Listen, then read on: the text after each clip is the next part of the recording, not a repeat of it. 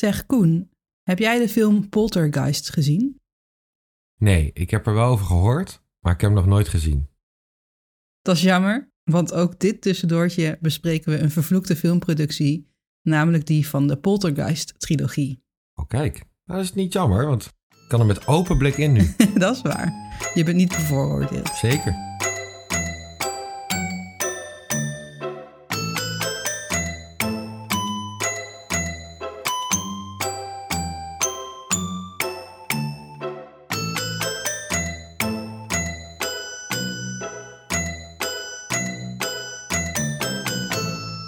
Welkom bij weer een nieuw tussendoortje van de vermoorde onschuld. Ik ben Koen. En ik ben Evelien. Allereerst. Gelukkig, gelukkig nieuwjaar! Wij hopen dat iedereen een fijne jaarwisseling heeft gehad. En dat iedereen al zijn vingers nog heeft. ja, dat de trouwe moederuitspraak geldt. Voordat we beginnen wil ik onze luisteraars bedanken voor de lieve en fijne reacties op het vorige tussendoortje. We waarderen dit enorm. Net als de vorige keer bespreken we dit tussendoortje een vervloekte filmproductie, dit keer die van de Poltergeist-trilogie. Ik ben wederom zeer benieuwd naar hoeveel mensen die naar ons luisteren de eerste film van deze trilogie hebben gezien. Dus check de poll op Spotify. En misschien dat ik ook nog wel een poll online gooi via Instagram, dus vergeet niet om ons daar ook te volgen. Ik heb bij het voorbereiden van deze aflevering weer Engelstalige bronnen gebruikt, dus het kan zijn dat er vertalingsfouten in mijn tekst zitten. Daarnaast wil ik nogmaals benadrukken dat Koen en ik geen journalisten, onderzoekers of experts zijn op het gebied van films, true crime of het paranormale, maar slechts amateur podcastmakers. De eerste film uit de Poltergeist-trilogie, getiteld Poltergeist, komt uit 1982 en is geregisseerd door Toby Hooper en geproduceerd door Steven Spielberg. Oh, Steven Spielberg? Ja, dat wist jij denk ik niet. Nee, maar dat is wel een grote. Ik weet niet meer hoe het precies zat, maar volgens mij wilde hij graag zelf de film regisseren. Mhm. Maar dat kon niet. Dus ging Toby Hooper het regisseren. Maar Steven Spielberg was wel elke dag op set aanwezig en bemoeide zich schijnbaar wel heel erg met de regie. Ja, eh, als regisseur moet je volgens mij wel een beetje een controlfreak zijn, wil je dat kunnen doen. Het is nog steeds een dingetje volgens mij dat, oké, als je kijkt naar de credits, dan staat er Toby Hooper heeft geregisseerd, maar heel veel mensen denken dat het meer Steven Spielberg ja, was dan okay. Toby Hooper. Ja, snap ik wel. Het verhaal draait om de familie Freeling, die in een nieuw huis woont dat bovenop een voormalige begraafplaats is gebouwd. Oeh. Kan alleen maar goed gaan. Ja, kan alleen maar goed gaan. Is het ook nog een uh, Indie, uh, Indische, hoe heet dat? Wacht, fuck. Een uh, Native American ja. Oeh, dat weet ik eigenlijk niet meer. Ik heb de film wel gezien, maar ik weet niet of het een. Dat was bij een andere horrorfilm wel, inderdaad. Ah, als de film niet helemaal gebaseerd is op de waarheid, dan is het sowieso zo'n Native American. Ja, uh, standaard. Uh. Maar goed, het huis dat is dus ge, gebouwd bovenop een voormalige begraafplaats. En er beginnen zich vreemde en verontrustende gebeurtenissen voor te doen in het huis. Met name rond de vijfjarige Carol Ann. Ze verdwijnt op een gegeven moment in een andere dimensie genaamd de andere kant of the other side. De familie roept de hulp in van parapsychologen om haar te redden. En wanneer ze proberen om Carol Ann terug te brengen, worden ze geconfronteerd met angstaanjagende kwaadaardige geesten. Bij de productie van zowel deze film als de sequels zijn er veel vreemde dingen gebeurd. Ook worden meerdere tragische doden gelinkt aan de vloek die op deze trilogie zou rusten. Ik heb ter voorbereiding de volgende bronnen gebruikt twee artikelen van Screen Rant, beide geschreven door Michael Kennedy, een artikel van Matt Shore voor Collider, een artikel van Jason Wiese voor Cinema Blend en een artikel van Adam Harrington voor CBS News. Er zijn veel artikelen. Er is veel geschreven over deze trilogie. Ik ben benieuwd. Als ik aan Poltergeist denk, dan moet ik meteen denken aan de scène waarin een mega creepy speelgoedclown zijn lange arm om de nek van de achtjarige Robbie Freeling wikkelt.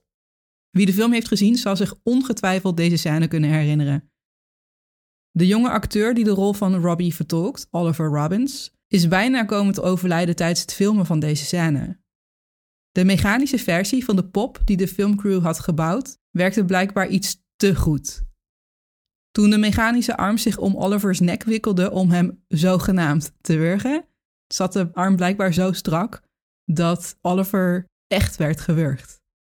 Hij schreeuwde dat hij geen adem kon halen, maar regisseur Toby Hooper en producent Steven Spielberg, die dus heel vaak aanwezig was op de filmset, dachten dat Oliver gewoon aan, het acteren was, want het was natuurlijk onderdeel van die scène.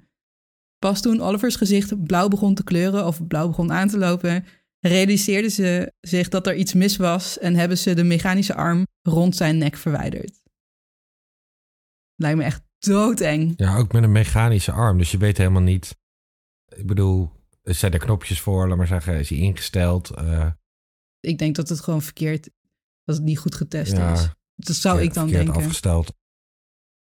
Dit is niet de enige opvallende gebeurtenis die zich heeft voorgedaan tijdens de productie van deze film. Actrice Jo Beth Williams, die de rol van Diane Freeling vertolkte, dat is de moeder van eh, het gezin, ontdekte herhaaldelijk bij thuiskomst na een lange filmdag dat al haar schilderijen en andere voorwerpen aan de muur scheef hingen. Uiteraard hing ze alles meteen weer recht, maar de volgende dag hingen ze bij thuiskomst dus opnieuw scheef. Ze was niet de enige die een paranormale ervaring had tijdens deze productie. Ook actrice Dominic Dunn, die de rol van de oudste dochter Dana Freeling vertolkte, beweerde een soortgelijke ervaring te hebben gehad. Ze zou hebben gezien hoe een boekenplank plotseling omsloeg, waardoor vervolgens alle boeken door de kamer vlogen. Het bleef echter niet bij vreemde gebeurtenissen, want net als bij The Exorcist worden er dus ook tragische doden geassocieerd met de productie van deze films. De tragische dood die wordt geassocieerd met de eerste film is die van actrice Dominic Dunn, die dus ook wat paranormaals had meegemaakt. Poltergeist was de eerste speelfilm waarin ze een grote rol had, dus het succes van de film opende deuren voor haar. Niet alleen dat, ze werd ineens een bekendheid of een beroemdheid. Iets waar haar vriend John Sweeney veel moeite mee had. Sweeney was een chef in een restaurant en werd door vrienden omschreven als iemand die snel boos werd en gewelddadig kon zijn. Toen Dominic een keer op straat werd herkend door een fan en een compliment kreeg, werd Sweeney woedend en begon hij de fan fysiek aan te vallen. Al snel begon hij ook Dominique fysiek te mishandelen, waardoor ze de relatie met hem verbrak. Sweeney besloot haar terug te winnen en zocht haar thuis op, waar Dominique op dat moment met collega-acteur David Packer teksten aan het oefenen was voor een nieuwe rol, nieuwe productie. Toen Sweeney aanbelde, is ze even naar buiten gegaan om met hem te praten. Maar ja, hij was natuurlijk super jaloers en hij viel haar aan. Hij greep haar bij haar hals, sleurde haar naar de zijkant van haar huis, waar hij haar wurgde tot ze bewusteloos raakte. David Packer had in de tussentijd de politie gebeld nadat hij Dominic had horen schreeuwen. Ze werd zo snel mogelijk naar het ziekenhuis gebracht, waar ze een paar dagen later op 22-jarige leeftijd overleed. Holy shit. Echt super tragisch. Wat, wat, eh, wat voor straf kreeg die gozer? Oeh, dat weet ik niet meer. Hij is wel lang de gevangenis in gegaan. in Ja, mag ik hopen, ja. Ja. Toen de politie er was, heeft hij hun ook geleid naar, haar, eh, naar waar zij lag. Dus het was super duidelijk Ja, wat er gebeurd was. eikel. Nou, en of. Ook tijdens de productie van Poltergeist 2, 2, The Other Side, uit 1986, gebeurden er vreemde dingen. Net als het eerste deel draait ook deze film om de familie Freeling. Ondanks dat ze ergens anders zijn gaan wonen, worden ze nog steeds achtervolgd door kwaadaardige geesten die het op jongste dochter Carol Ann hebben gemunt.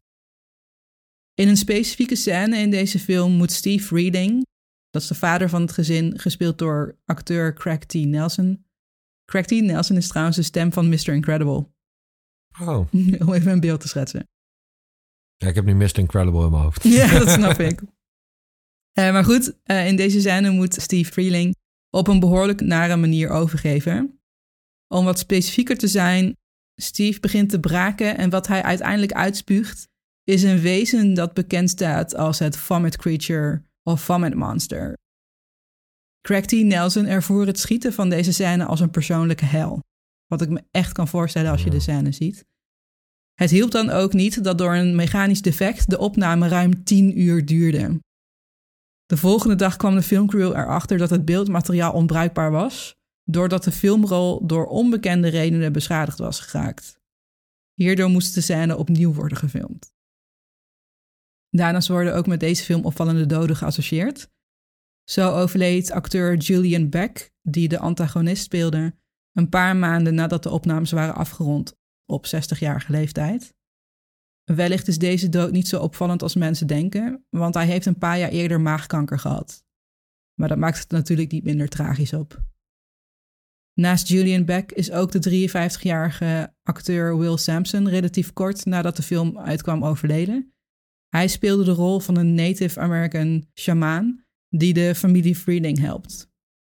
Hij overleed in juni 1987, zes weken nadat hij een succesvolle longtransplantatie had ondergaan. Misschien weer niet per se opvallend in relatie tot de vloek, maar wel heftig. Hij leed aan ondervoeding, een infectie naar aanleiding van een operatie, nierfalen door onbekende oorzaak en raakte in een tiendaagse coma voordat hij overleed. De laatste film in de trilogie is Poltergeist 3, 3 uit 1988. Ook deze film draait om de jongste telg van de familie Freeling, Carol Ann. Die heeft het wel zwaar, hè? Zo, dat wil je echt niet weten. Door wie werd dat geacteerd? Uh, komen we zo op terug. Oké, spanning. Carol Ann is inmiddels bij haar oom en tante ingetrokken in de John Hancock Tower in Chicago, maar ze wordt nog steeds achtervolgd door de kwaadaardige geesten uit de eerdere delen. Volgens Matt Shore zijn er tijdens de bouw van de 344 meter hoge wolkenkrabber, waar de film zich afspeelt, honderden bouwvakkers overleden. Maar dit kan ik niet verifiëren met andere bronnen. Ik heb het nergens anders uh, gevonden. Wel zijn er sinds de bouw in 1964 opvallend veel mensen doodgegaan in het gebouw. Er wordt dan ook gedacht dat er een vloek rust op het gebouw. De vloek van een oude zeeman, een Old Mariner's Curse. Combineer deze vloek met de vloek die zou rusten op de productie van de Poltergeist-trilogie en dat levert wederom vreemde en nare gebeurtenissen op. Zo raakte een stuntman gewond toen er een defect was met een onderwaterkatapult. Veel defecten daar. Hè? Ja, heel veel. En wat ik nu noem is niet alles, zeg maar. Dit zijn de meest opvallende. Ook regisseur Gary Sherman was niet veilig, want hij brak tijdens de productie zijn been. Het is voor mij niet bekend hoe, maar wel dat het is gebeurd. Daarnaast is er tijdens de productie een grote brand op de filmset ontstaan, doordat er voor de zoveelste keer wat misging met een special effect. Wat een kleine gecontroleerde explosie had moeten zijn, groeide uit tot een grote brand waar de brandweer aan te pas moest komen. Uiteraard rende iedereen die op set aanwezig was voor hun leven, maar één iemand raakte onverhoopt opgesloten in het gebouw. Een van de stuntmannen is toen terug naar binnen gegaan om deze collega te redden. En hij wist ook de camera's en filmrollen veilig te stellen. Tot groot genoegen van regisseur Gary Sherman. Uiteraard bleef het niet bij ongelukken, want tijdens deze filmproductie kwam de bouwingenieur die was ingehuurd om het productiepersoneel te helpen, plotseling te overlijden. Hij werd halverwege een dienst dood in zijn stoel aangetroffen. Hoewel dit zeer vreemd en opvallend was, en nogmaals tragisch, zijn er geen sporen van opzet gevonden. Een andere tragische dood die met deze filmserie wordt geassocieerd is die van de 12-jarige actrice Heather O'Rourke. Zij speelde een van de belangrijkste rollen in de trilogie, namelijk die van Carol Ann Freeling. Ze was net klaar met filmen toen ze in 1988 onverwachts overleed aan een langdurige darmobstructie. Medische specialisten hadden deze diagnose blijkbaar over het hoofd gezien. Ze was zeg maar echt heel kort nadat zij klaar was met filmen overleden, maar heel vaak heb je daarna nog reshoots. Mhm. En de regisseur moest uh, voor de reshoots, dus voor sommige scènes die opnieuw moesten worden geschoten, een, uh, een body double gebruiken. Dus in de film zie je ook. Twee verschillende. Ja, Schijn, ik heb de derde nooit gezien, maar dat is gewoon een andere persoon. Mhm. Super tragisch, 12 jaar. Ja, dat is wel uh, vreemd. Ja, vooral heel sneu. En, uh... Ik ken niet heel veel twaalf... Er gaan niet heel veel twaalfjarigen dood, laat maar zeggen.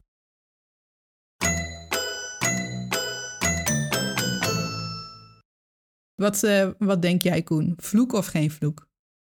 Um, ik ga voor toevalligheden, geen vloek. Oké. Okay. Ik heb meer informatie voor je. Oké. Okay. ik ben benieuwd. Tot nu toe ga ik voor toevalligheden, geen vloek. Met alles wat ik gehoord heb, vond ik een aantal dingen wel raar. Dat was uh, dat die vrouw thuis kwam en dat alles scheef hing de hele tijd. Mm -hmm. Ja, daar zou ik gek van worden. Mm -hmm. Als dat bij mij zou gebeuren, laat maar zeggen. De andere dingen, mechanische problemen en dat soort dingen. Uh, mensen die doodgaan, ja, weet je, dat gebeurt tot nu toe uh, geen vloek. Ik ben okay. benieuwd. Al deze tragische gebeurtenissen en vreemde ongelukken hebben ertoe geleid dat veel mensen denken dat deze filmtrilogie vervloekt is. De geruchten begonnen na de tragische moord op Dominic Dunn en zijn in de loop der jaren alleen maar sterker geworden. Er is overigens een goede reden dat mensen overtuigd zijn van de vloek, want tegenwoordig is bekend dat tijdens de productie van zowel Poltergeist als Poltergeist 2 echte menselijke skeletten en botten zijn gebruikt. Overigens was actrice Jo Beth Williams hier niet van op de hoogte tijdens het filmen van een specifieke scène in de originele Poltergeist. In deze scène belandt Diane Freeling per ongeluk in het zwembad van een familie. En dat is een zwembad dat nog in aanbouw is. Dus het is meer een groot gat in, uh, in de grond dan dat het echt een zwembad is. Door een hevige regenbui belandt ze in een grote modderpoel, waar één voor één skeletten naar boven komen drijven. Echte skeletten dus. De actrice kwam er pas na het filmen achter dat ze tussen menselijke skeletten had gezwommen en niet tussen plastic nepskeletten zoals ze aanvankelijk dacht. De reden dat ze echte skeletten hebben gebruikt en geen neppen? Omdat ze aanzienlijk goedkoper waren. De skeletten zijn gekocht bij een medisch leveringsbedrijf. Ik weet niet of dat de correcte term is. Maar bij een bedrijf waar je dus dit soort dingen kan inkopen. En dit was dus goedkoper dan het zelf maken of kopen van nepskeletten. Zij wist dat dus niet. Zij kwam er dus na het schieten van. Je, je moet eigenlijk die scène even kijken om te snappen dat dat best naar is. Ik snap het. Maar ze had ook kunnen vragen, toch? Hoezo? Je gaat er toch vanuit dat het nep is? Ik weet niet, als het een film is van een hoog niveau. Nee, je zou er toch vanuit gaan. Ik zou er echt vanuit van, oh grappig, goed, uh, goed nagemaakt, zou ik denken. je gaat er toch niet vanuit dat het nee. echt is? Ik snap wel, als je het erg goedkoper kan krijgen, kan je meer geld geven aan andere dingen. Luister, vanuit... Meer mechanische dingen die fout zijn gegaan. Luister, vanuit dat het goedkoop is, dat snap ik. Filmproducties kosten altijd te veel geld. Dus je gaat inderdaad naar goedkopere alternatieven kijken. Maar ik had wel tegen de actrice gezegd van... hé, hey, luister, dit zijn echt... Uh, je kan er verder niks mee doen. maar ze zijn echt... Nee, ik denk dat het voor haar heel veel rust heeft gegeven... dat ze het niet wist op dat moment. Ja, dat denk ik ook. Maar zoals ik al zei, hebben ze niet alleen bij de eerste film echte skeletten gebruikt, maar ook bij de tweede film. Nadat acteur Craig T. Nelson opmerkingen had gemaakt over de nare vibe, nare energie die over de filmset leek te hangen, ging collega Will Sampson, die naast acteur ook shamaan was, op onderzoek uit. Hij concludeerde dat de skeletten die als requisieten, dus als props, uh, werden gebruikt, de oorzaak waren van een kwaadaardige aanwezigheid op de set. Dit was tevens het moment dat de acteurs te horen kregen dat de props echte menselijke skeletten waren. Nadat Will Sampson een exorcisme had uitgevoerd, hebben er zich geen problemen meer voorgedaan tijdens de productie van de tweede film. Dus tijdens de productie zelf op de filmset. Nu je hebt gehoord wat een mogelijke oorzaak is van een vloek, wat denk je? Vloek of geen vloek? Zolang ik zelf niks zie, laat maar zeggen, geloof ik het sowieso niet heel snel. Uh, maar ja, ik vind dit nog steeds heel veel toevalligheden. En voor die shamaan, die in zijn vrije tijd ook dus gewoon shamaan is, komt dat niet heel verkeerd uit natuurlijk. Ik denk wel, als ik het moet vergelijken met The Exorcist, zou ik eerder denken dat de Poltergeist-trilogie vervloekt is dan The Exorcist. Ben ik het ook wel mee eens. Alleen, ja, ik ben niet overtuigd. Ik, ben benieuwd... Als er een Poltergeist 4 komt, bel me op, dan uh, doe ik mee.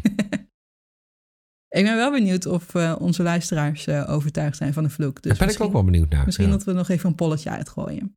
Ben jij overtuigd van de vloek?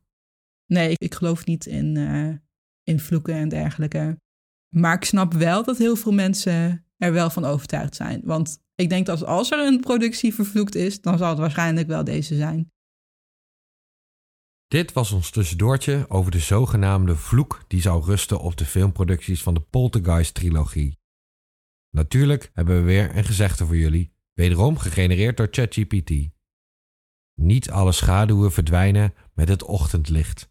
Sommige vloeken vinden hun weg in de stilte van eeuwige schemering. Wow. Wederom applaus voor ChatGPT.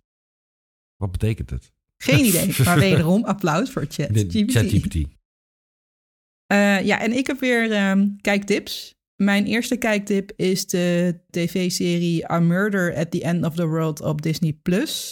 Dit is een murder mystery serie waarin een jonge amateurspeurder de dader van een moord in een futuristisch resort probeert te ontmaskeren. Ik heb de serie inmiddels helemaal afgezien. Ik raad hem nog steeds aan, maar ik vond het einde wel tegenvallen. Zeg ik er even bij. En mijn tweede kijktip is totaal wat anders. En iets wat luisteraars misschien niet zouden verwachten. Maar ik, en ik denk dat Koen het met mij eens is, Zeker. raad uh, heel erg sterk Bluey aan. Ook te vinden op Disney+. Plus. Het is een geanimeerde uh, tekenfilmserie voor kinderen, maar het is eigenlijk voor iedereen. Het is ook heel erg voor de ouders van kinderen. Er en zitten voor... hele leuke boodschappen in. Ja. En het is Australisch, dus dat merk je ook wel in Ja. de... In de, in de ja, eh, en hoe ze omgaan met elkaar. Maar ja, het is super leuk om, eh, om op de achtergrond, Ja. maar zeggen, of om rust te houden, te kijken. Het is echt, er zitten hele mooie eh, verhaallijnen in. En heel veel humor. Ook heel erg humor voor volwassenen. En het is echt voor feel good. Het is veel goed te En die aflevering duurt maar acht minuten. Ja, Dus dat is niks goed te de doen. Heb ik ook nog een kijktip. Ehm, Upload op Amazon Prime. Superleuke serie. En ga je wel even over nadenken, laten we zeggen, over hoe de toekomst, eh, hoe computers ons kunnen helpen, laten we zeggen, ook met AI en dat soort dingen. Ja. Heel erg, heel erg interessant. Vind je het leuk om naar ons te luisteren? Vergeet dan niet om ons te volgen in je favoriete podcast-app en een goede review achter te laten. Daar help je ons echt enorm mee. Je kan ons ook volgen op social media. Wij zitten op Instagram, TikTok en Facebook. Meer informatie vind je in de show notes. Mocht je nog tips of suggesties hebben, dan kan je die mailen naar de vermoorde onschuld podcast@gmail.com. Bedankt, voor het luisteren en tot de volgende keer. Pop.